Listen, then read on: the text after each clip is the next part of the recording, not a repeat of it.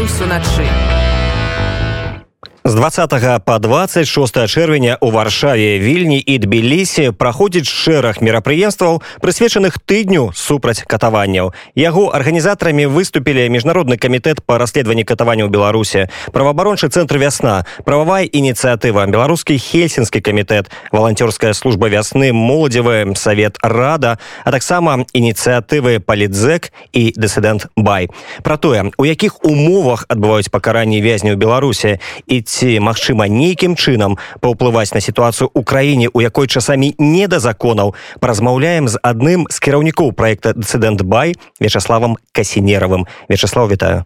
Привет добрый вечер. Э, паводле дадзеных э, тваёй ініцыятывы за кратамі ў беларусі на сённяшні дзень знаходзіцца як мінімум 1500 палітвязняў. Вось у якіх умовах жывуць гэтыя людзі і нават агулам что такое беларуская турма? Э, ну, тут вообще можно много говорить, и я думаю, что э, это очень сильно отличается в зависимости от э, конкретной тюрьмы и конкретного даже человека. Очевидно, что чем более непримиримая позиция у человека была и на воле, и в тюрьме, то тем больше будет ответная, как так скажем, карающая сила, которая будет пытаться его сломать. Потому что как бы нам не хотелось думать иначе, но в принципе тюрьмы как система и особенно тюрьмы э, диктаторские такие, э, политически ангажированные, это система, которая пытается сломать волю человека, подчинить ее и, э, скажем, переделать личность.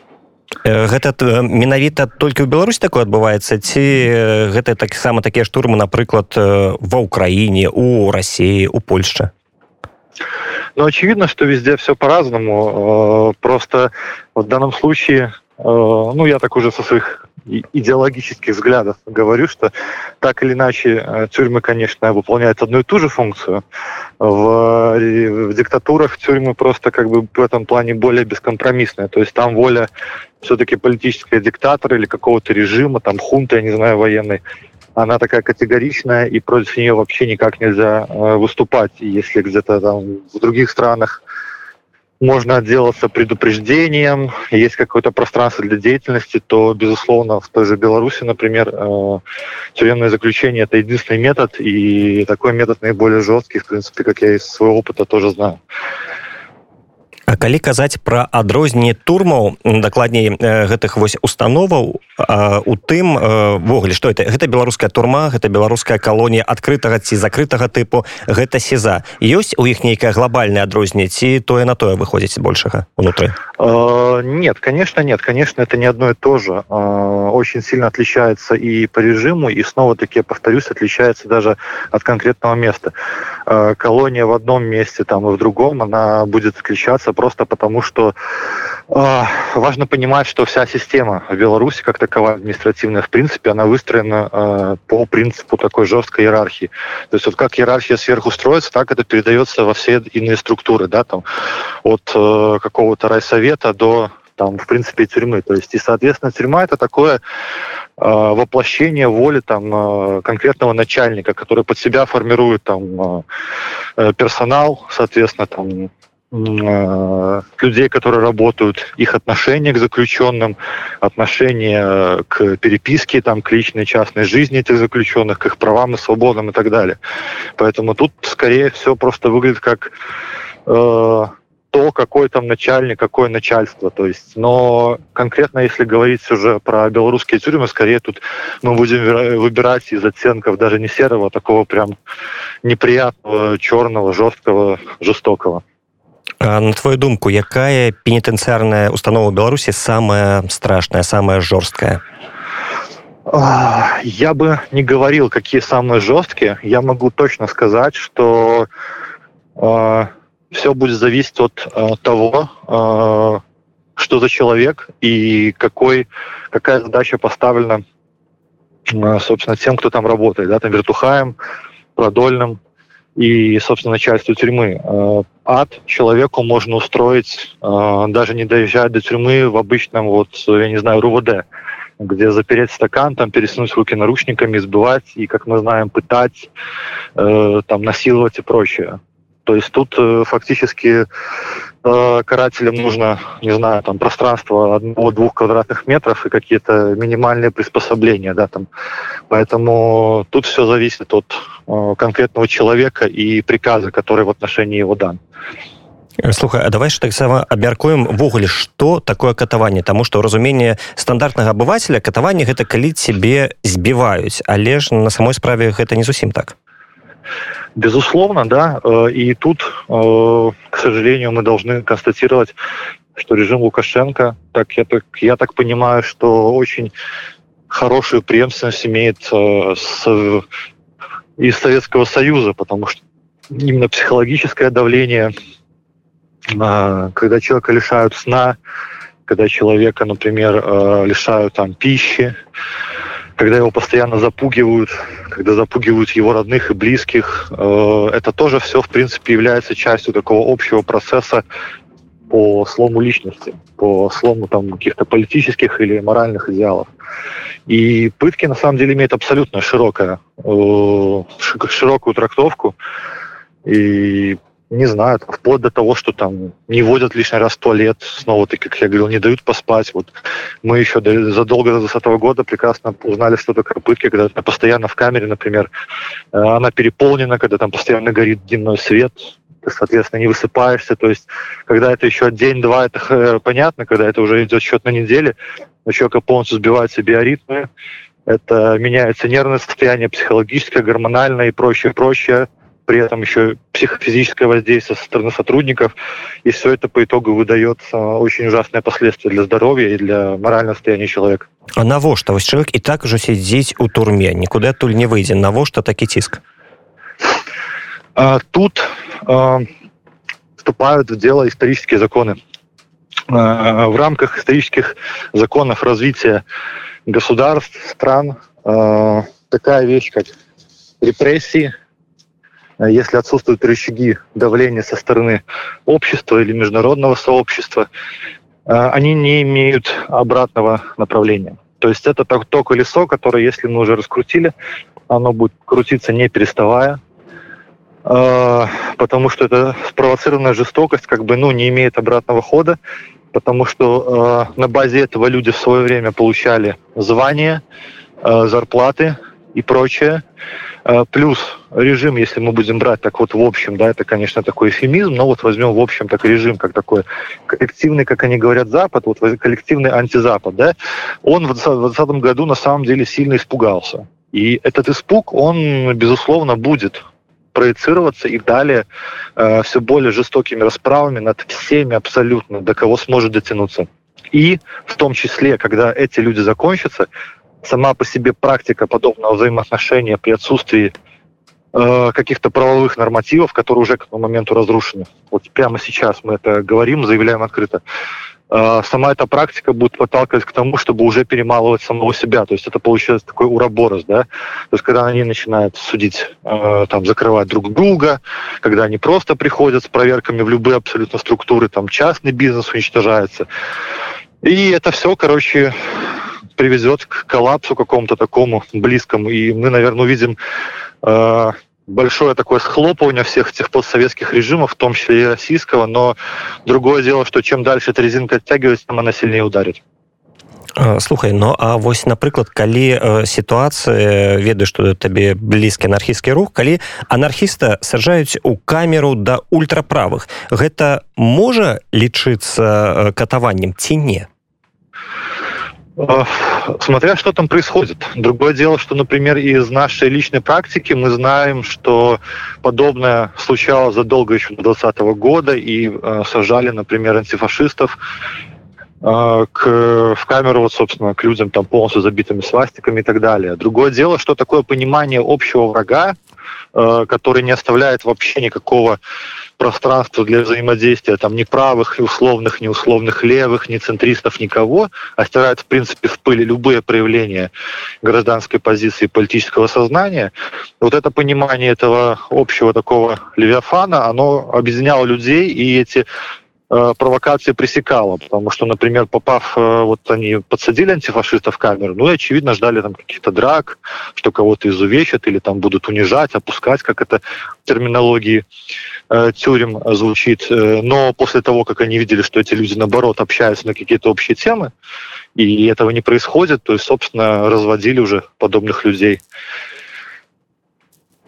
каб не разважалі за много а, а як у сённяшняй беларусі можна даведацца пра тое у якіх умовах знаходзяцца вязні ну то бок я разумею что лісты іх правяраюць цэнзары а як яшчэ можна перадаваць весткі ранее и даже сейчас еще на каких-то уровнях действует и лучший способ это связь через адвоката. То есть адвокат в Беларуси вообще на протяжении всего времени, э, снова таки я постоянно об этом говорю, еще до 2020 года э, то, что происходит сейчас во всей стране, оно действовало в таких локальных масштабах в отношении анархистов, антифашистов, там наиболее рьяных оппозиционеров. И адвокат в данном случае особой роли не играл в отношении приговора. Скорее всего, приговор могли изменить там резонанс СМИ, реакция правозащитного сообщества международного. А вот адвокат, он был как раз-таки той ниточкой с э, заключенным, э, который мог э, передать информацию о том, что заключенный там находится в изоляторе, там через адвоката напрямую можно было узнать, что там его избили, там как-то пытаются пытать, давят, вот. И он, да, он исполнял, это была главная функция на протяжении всего времени. Сейчас, безусловно, это становится сложнее, потому что все адвокаты, э, адвокаты глобально их пытаются загонять под эту незаконную абсолютно практику э, подписки о неразглашении, когда мы даже не можем иногда узнать, э, по какой статье человек сидит в тюрьме там, или что ему пытаются вменять. А также мы сейчас последний вот месяц увидели такую тоже массовую зачистку адвокатуры, уже такого просто даже не каких-то там идейных э, помогатых, скажем, политических деятелей, а просто адвокатов, которые хоть где-то как-то перешли дорогу режиму, и это тоже направлено, это прежде всего акция устрашения, для того, чтобы э, вот эти адвокаты перестали выполнять э, вот эту функцию связи с э, изолированными людьми.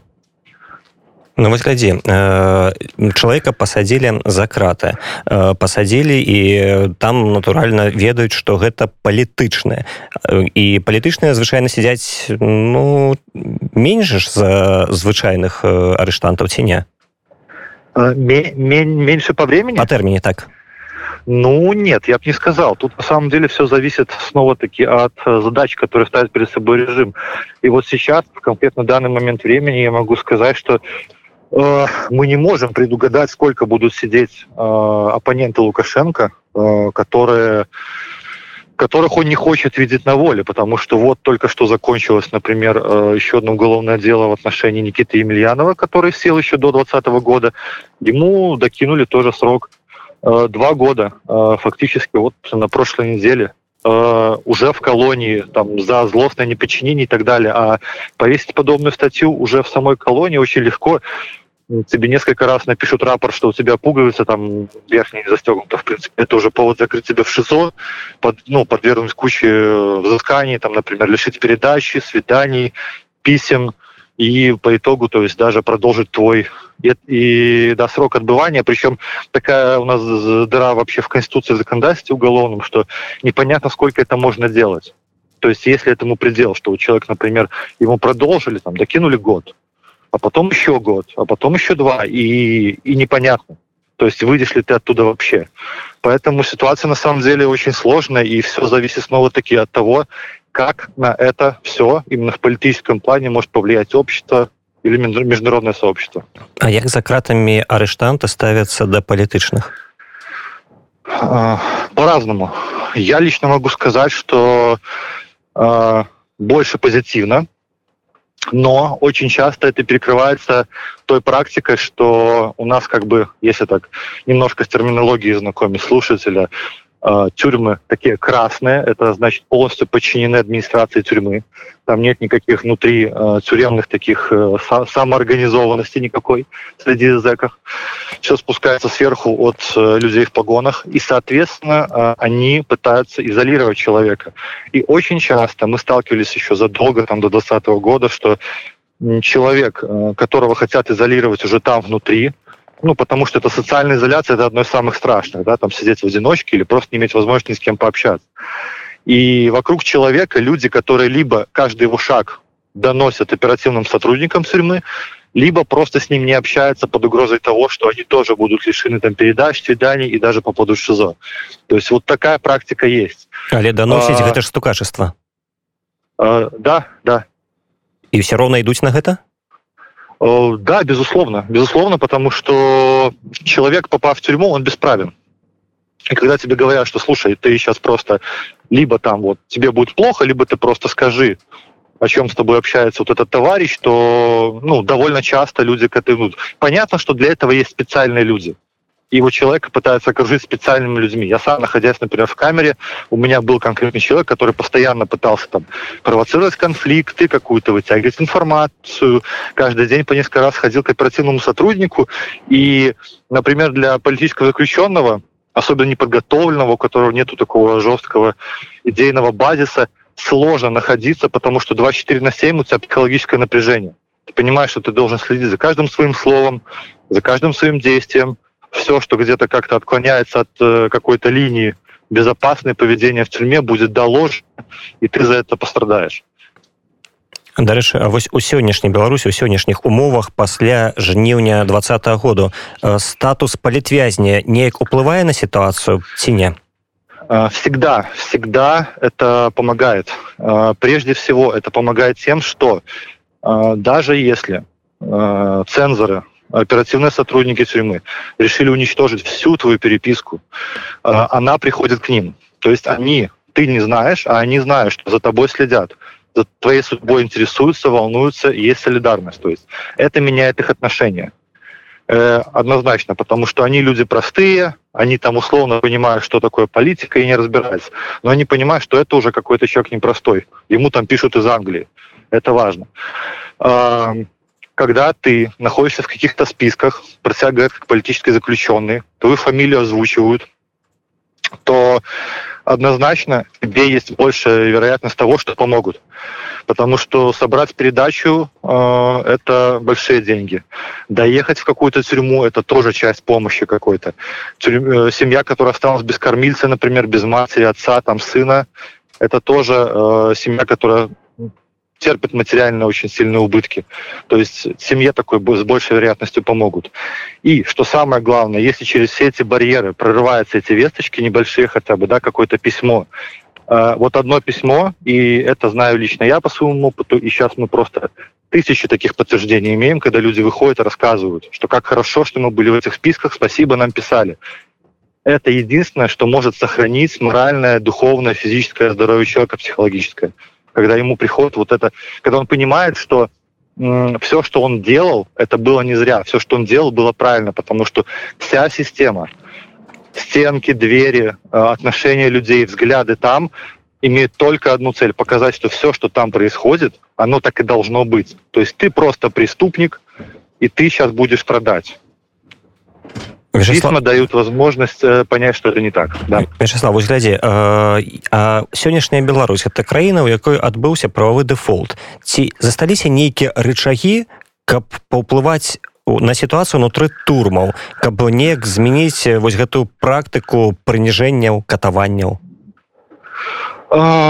Сложно сказать. С той позиции, с которой, например, я сейчас вот работаю э, в рамках диссидента, мы работаем как правозащитники, и мы пытаемся помогать людям э, и э, строить вот эти цепи солидарности. Но все-таки я не строю воздушных замков при этом и понимаю, что солидарностью диктатуры не уничтожаются. То есть должны быть политические решения, должны быть политические рычаги давления. Я не знаю, что это. То есть санкции, это должны быть какие-то договоренности, э, что, в принципе, мне отвратительно, конечно, теперь ну, с этим режимом нельзя и ни в коем случае договариваться. Возможно, это должно быть какое-то, как я там, полити политические мои воззрения говорят о том, что, скорее всего, это должно быть какое-то народное сопротивление всеобщее, но, скорее всего, э, именно как правозащитники мы можем только бороться с последствиями, отвечать на вызовы.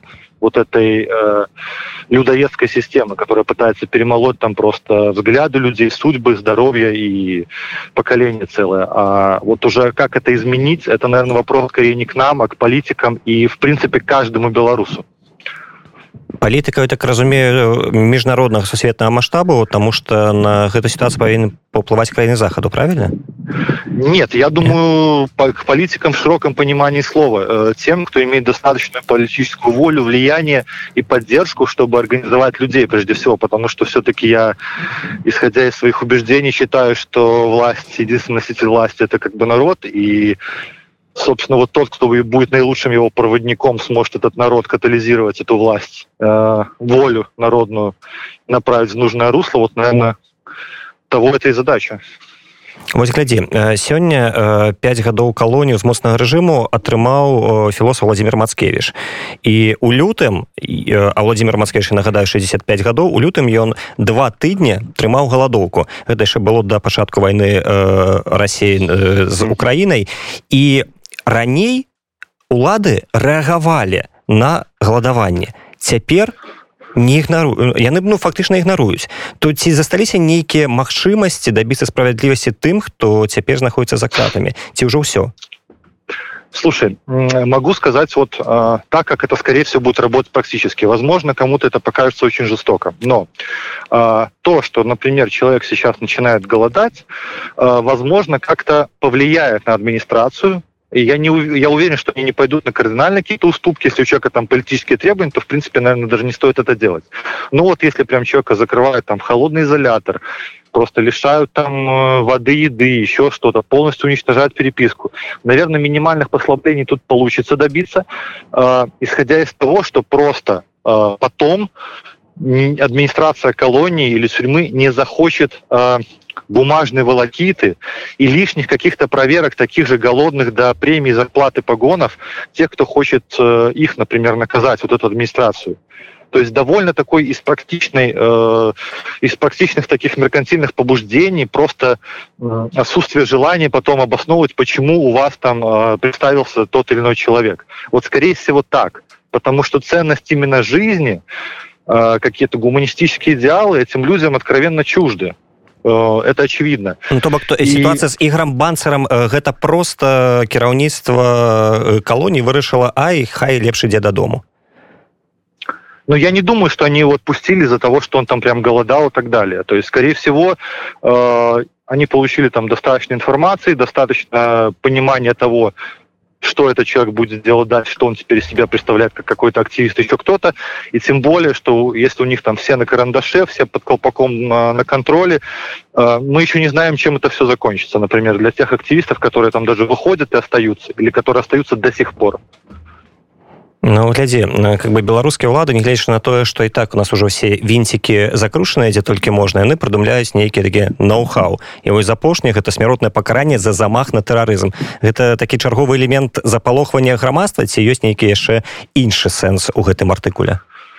Ну прежде всего да безусловно безусловно э, уровень вот этого э, террора и попытки посеять страх вообще. И Э, крамольность э, мысли вообще о том, чтобы там кому-то сопротивляться, да, это главная цель, но вот тут я не соглашусь в том, что уже все винтики завинчены. Э, просто мы, наверное, поколение, которое жили при относительном, там, не знаю, либерализме каком-то, и винтики всегда есть куда завинчивать. И каждый раз вот мы, например, своими коллегами, обсуждая там во внутренних чатах и конференциях какие-то последние события, ну, мы вот это дно, которое пробивается постоянно, мы говорим, ну куда уже, куда уже? Но я понял, что есть всегда куда. Поэтому тут снова-таки, тут мы возвращаемся к тому, что к сожалению, как правозащитник, я не могу дать ответа на вопрос, что делать, и все ли винтики завинчены. Я точно могу сказать, что вот последний наш опыт э, говорит о том, что хуже может быть всегда. И тут надо включать уже какие-то иные механизмы э, давления, изменения ситуации. Ну і глядзі у нас застаецца не так шмат часу але я хацеў абавязкова закрануць гэтую тэму тому что ўжо ў гэтую нядзелю ты з камандай dessident.by бярэш удзел у тыдні супраць катаванняў і ў варшаве вы плануеце паказаць аўтарскі фільм партрэт палітзняволенага антыфашыста які прысвечаны ілі валавіку. Распавядзі што гэта за фільм дзе у колькі і за колькі можна будзе яго паглядзець? А, ну это конечно все бесплатно вот. А, есть ссылки на нашем а, на наших ресурсах в социальных сетях где что и так далее. Там а, надо пройти регистрацию. Что это за фильм? То есть там еще будет не только фильм там будет наша презентация. Мы расскажем про себя про свое видение современной ситуации Вот, там будет небольшой сюрприз в рамках этой презентации, который будет интересен, думаю, всем участникам. И да, потом будем смотреть фильм, и люди, в том числе, наверное, поймут, что вот эти истории современные, которые сейчас происходят в Беларуси, это не что-то новое. Это просто то, что уже вырвалось из-под контроля, как какая-то злая шутка. Вот. Гэта будзе варшава, гэта будзе нядзеля, гэта будзе месца. Э, да, это в 6 часов, место одну секундочку. Э, кинотеатр Луна. Гэта самы, што не наесть центра варшавы. Да, вот, там будет 6 часов, мы начинаем, это презентации, потом сразу кинопросмотр.